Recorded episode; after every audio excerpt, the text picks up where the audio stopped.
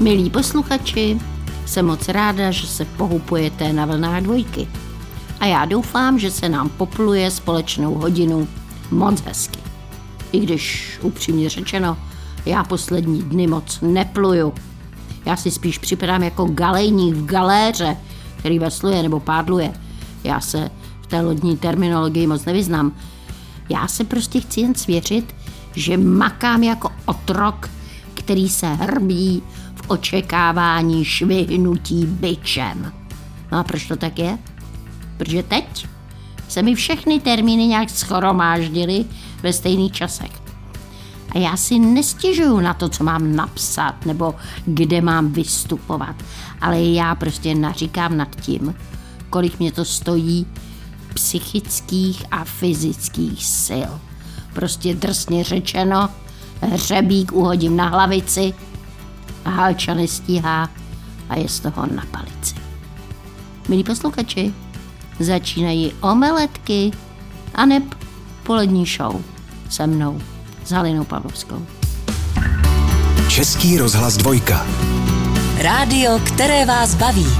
Milí posluchači, začaly omeletky a teď vám řeknu jedno polské přísloví, které by vám mohlo posloužit jako indicie k tématu, kterým dnes omeletky tady na dvojce naplníme. Takže poslouchejte. Na jedno okénečko zabubnuje, pod druhým almužničku vymodlí, u třetího si odpočine. Vejdělek? Žádná sláva, ale svoboda a pohodlí. Tématem dnešních omeletek je biznis. Smysl pro obchod. Velké i malé peníze, eventuálně krach a žebrota. Můj dědeček vždycky říkal, všechno se dá koupit za peníze. Co se nedá koupit za peníze, to se dá koupit za veliký peníze. A to, co se nedá koupit ani za veliký peníze, v pohodě se ženeš za obrovský prachy. Můj dědeček byl úžasný biznismen. Já ovšem mám v obchodování určité rezervy.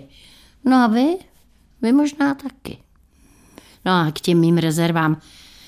Já si prostě jinak neumím vysvětlit, proč jsem jednou svému kamarádovi slíbila, že když mě odveze z Karlova náměstí autem do Davids, že mu napíšu třístránkovou úvahu na téma televizní program pro ženy.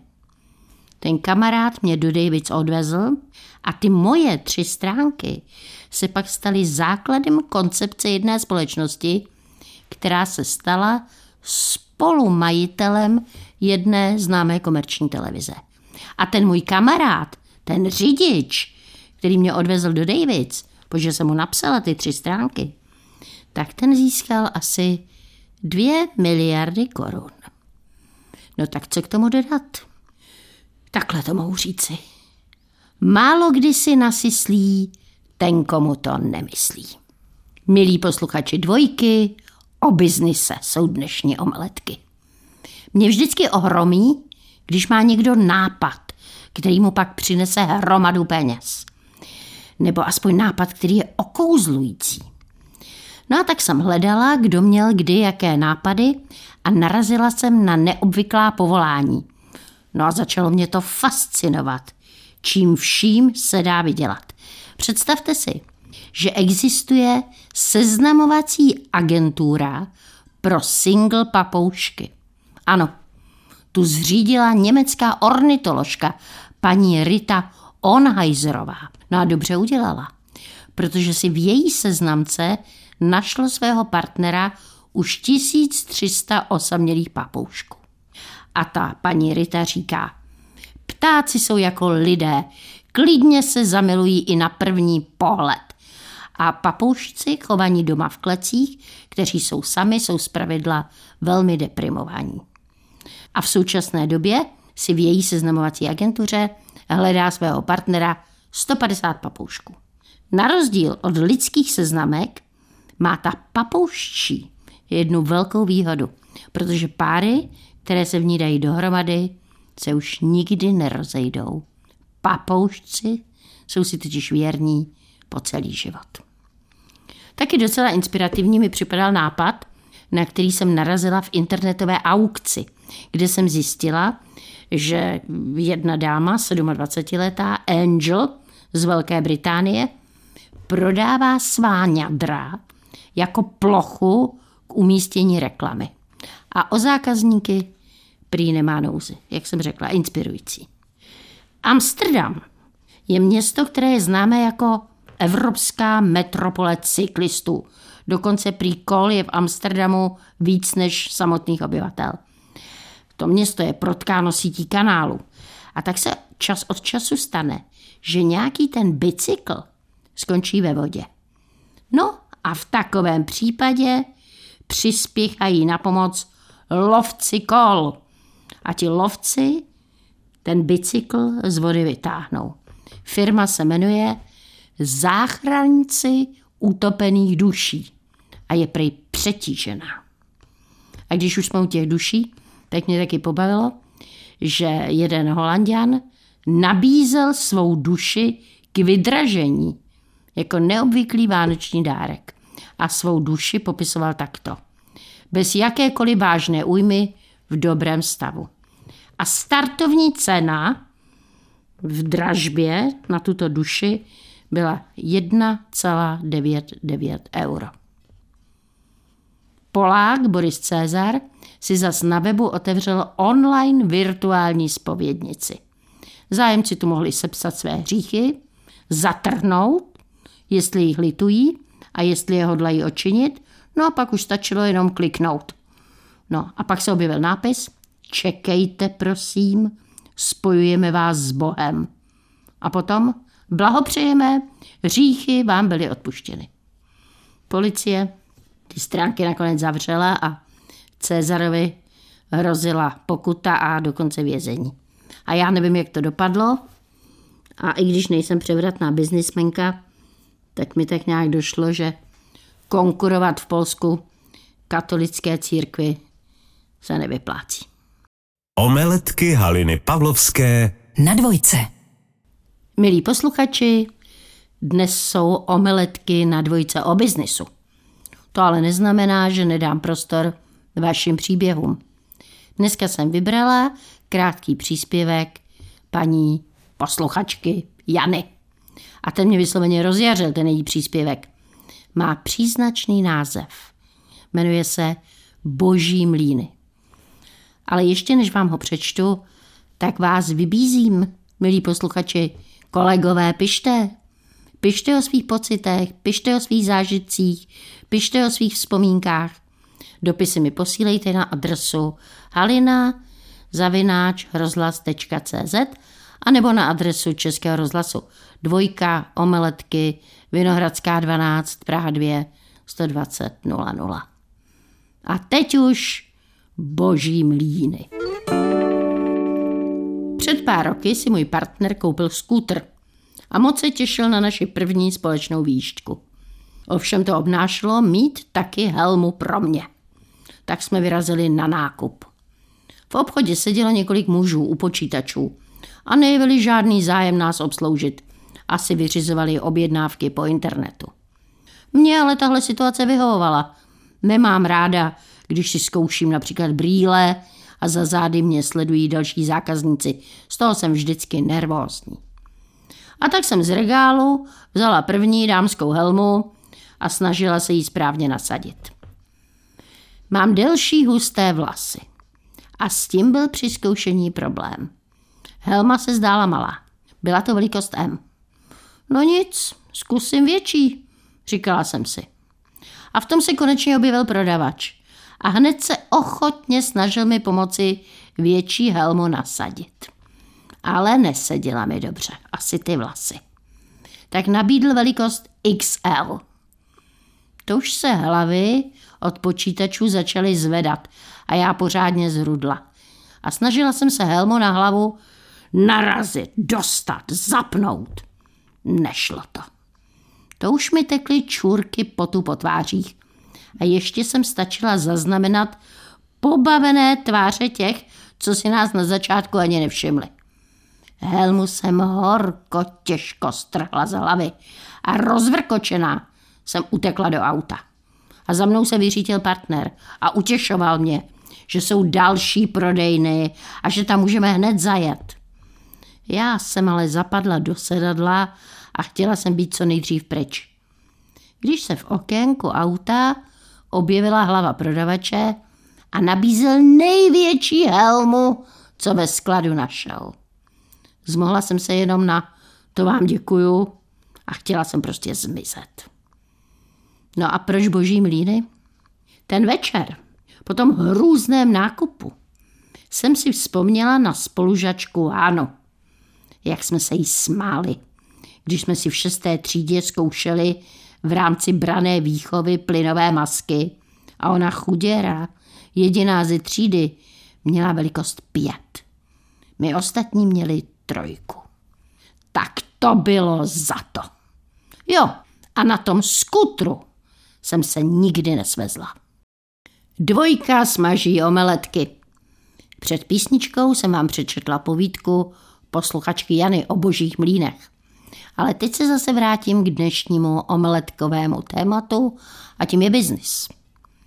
Zajímavé bylo, že když jsem pracovala pro holandskou společnost jako šéf-redaktorka, tak naším nařízeným oficiálním jazykem byla angličtina. Ale vždycky, když jsme jednali o penězích, tak já jsem bezděčně sklouzla do Němčiny. Prostě mi ta Němčina připadala tak nějak přesnější.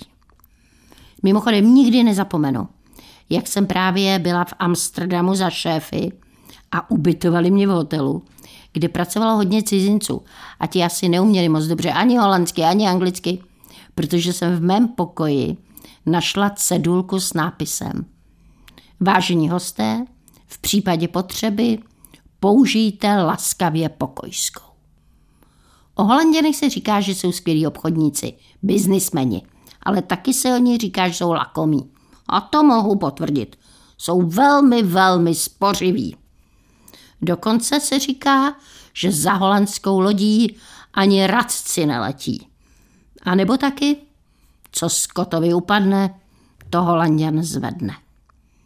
Na každý pád si můj holandský šéf nesmírně rozuměl s mou maminkou, ta byla taky spořivá.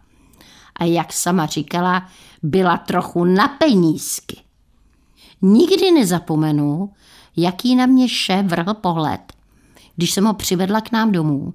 A moje máma místo pozdravu na mě koukla a zavila. Kolik?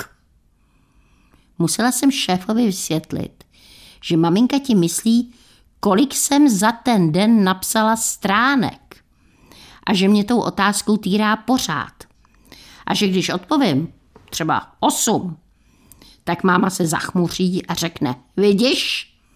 A ten vývek, jak ten si panečku žije. A to proto, že ten těch stránek denně píše patnáct. No jo, co k tomu dodat? Snad jen, že když si chci žít jako v pliši, tak denodenně hodně píši. Milí posluchači, omeletek, které právě servírujeme na dvojce, nedávno jsem se sešla s kuchařem a pekařem, cukrářem, moc milým mužem Josefem Maršálkem. A tak mě napadlo, že se ho dneska zeptám na pár otázek, které souvisí s biznisem. Takže já teď telefonuju Josefovi Maršálkovi. Tak jsem tady jedno ucho.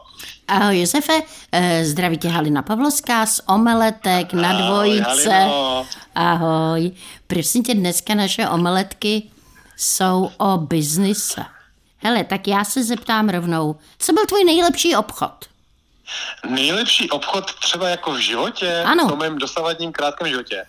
Tak já si myslím, že nejlepší obchod byl, že jsem se kdysi dávno, ono už je to dávno, to je skoro 20 let, já jsem se upsal na soukromou vysokou školu.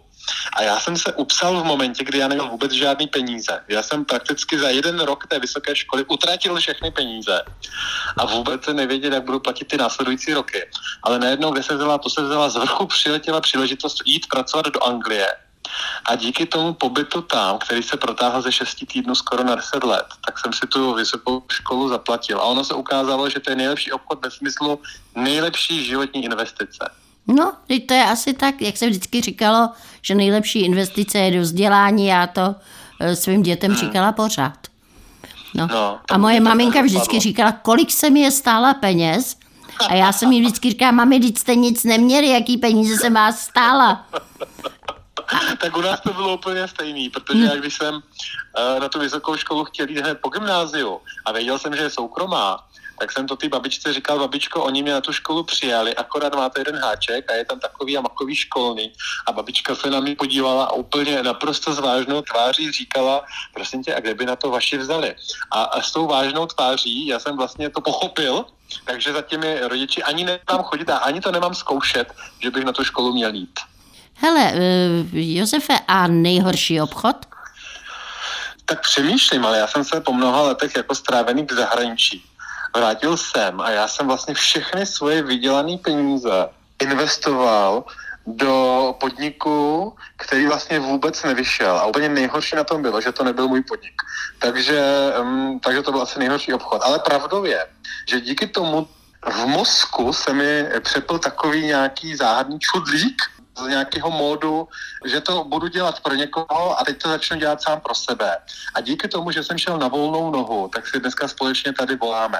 Takže byť to byl tenkrát jako nejhorší obchod, tak to přináší zajímavé výsledky. No vidíš, tak jsme oba dva na volné noze, tak bychom mohli ty volné nohy dát dohromady a mohl by to být dobrý pár.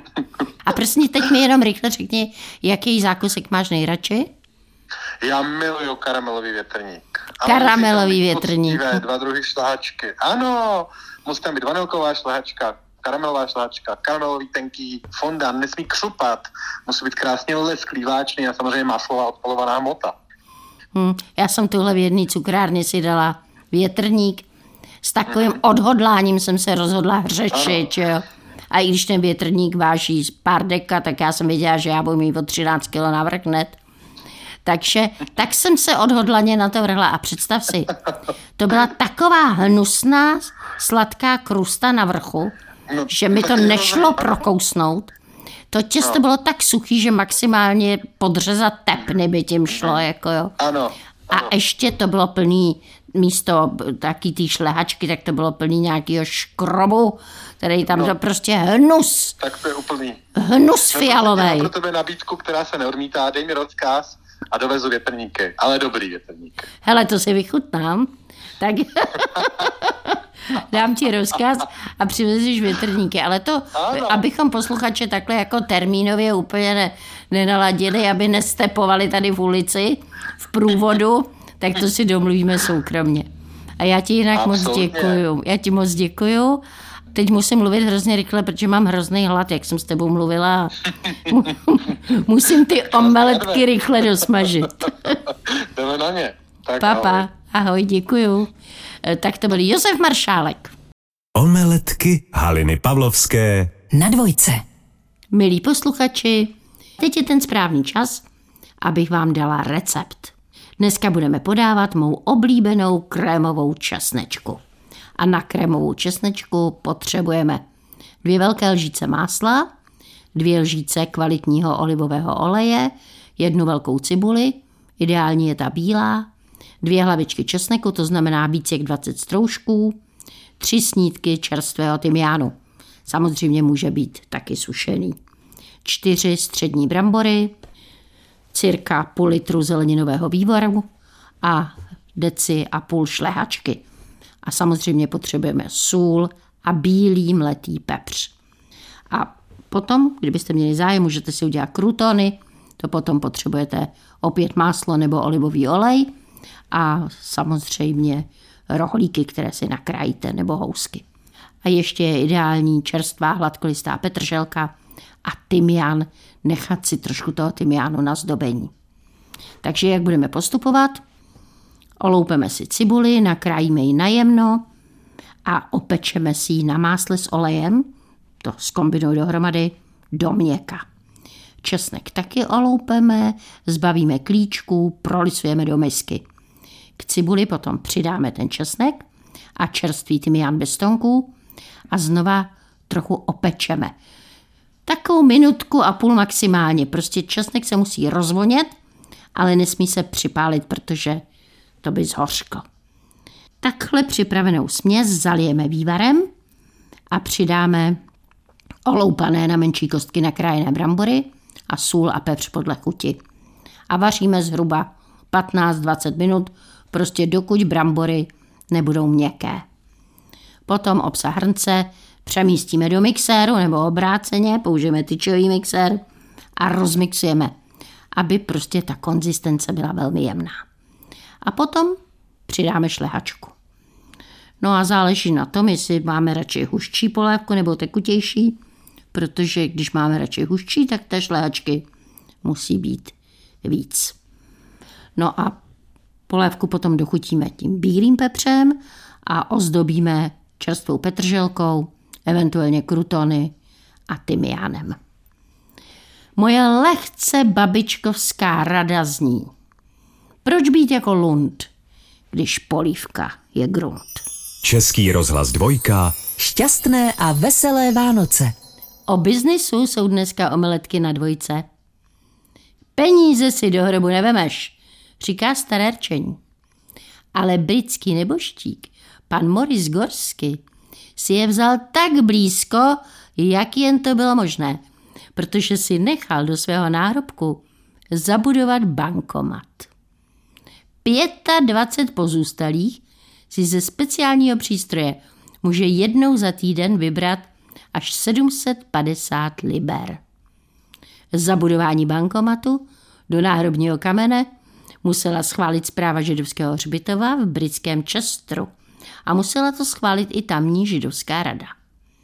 Neteř nebo štíka Chelsea, která je jednou z majitele karty, na kterou si může vyzvedávat libry, tak ta řekla. Když nám strejda Morris řekl, co chce po smrti udělat, tak jsme si mysleli, že žartuje. Ale při čtení poslední vůle jsme zjistili, že je to pravda. Strejda se chtěl prostě pojistit, abychom chodili na jeho hrob. E, ještě jsem našla další okouzlující povolání, na kterých se dá vydělat. A víte, že existuje profesionální mazlič? Jo. Cílem tohoto povolání je zajistit jedincům, kteří se cítí osamocení, lidský dotyk. Takže profesionální mazlič vás za peníze objímá, hladí a tulí se. Chystáte se na fascinující akci, ale nebaví vás stát hodiny ve frontě na lístky a mačkat se mezi spoustou dalších lidí? No tak využijte služeb čekače. Najděte si čekače, zaplaťte si ho a ten frontu vystojí za vás. Nepřijde mi to úplně lukrativní, toto povolání, ale prý se na jedné frontě dá vydělat kolem tisíce korun.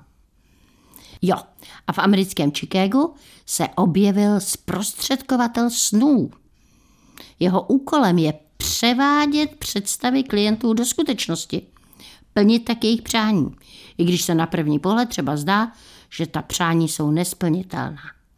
No, tak to by mě moc zajímalo, jak by si takový zprostředkovatel snů poradil s mým snem, že chci být hubená, 1,80 m vysoká, 20-letá, blondýna se stovkou ctitelů, kteří ji zahrnují nejen bohatstvím, ale i opravdovou láskou.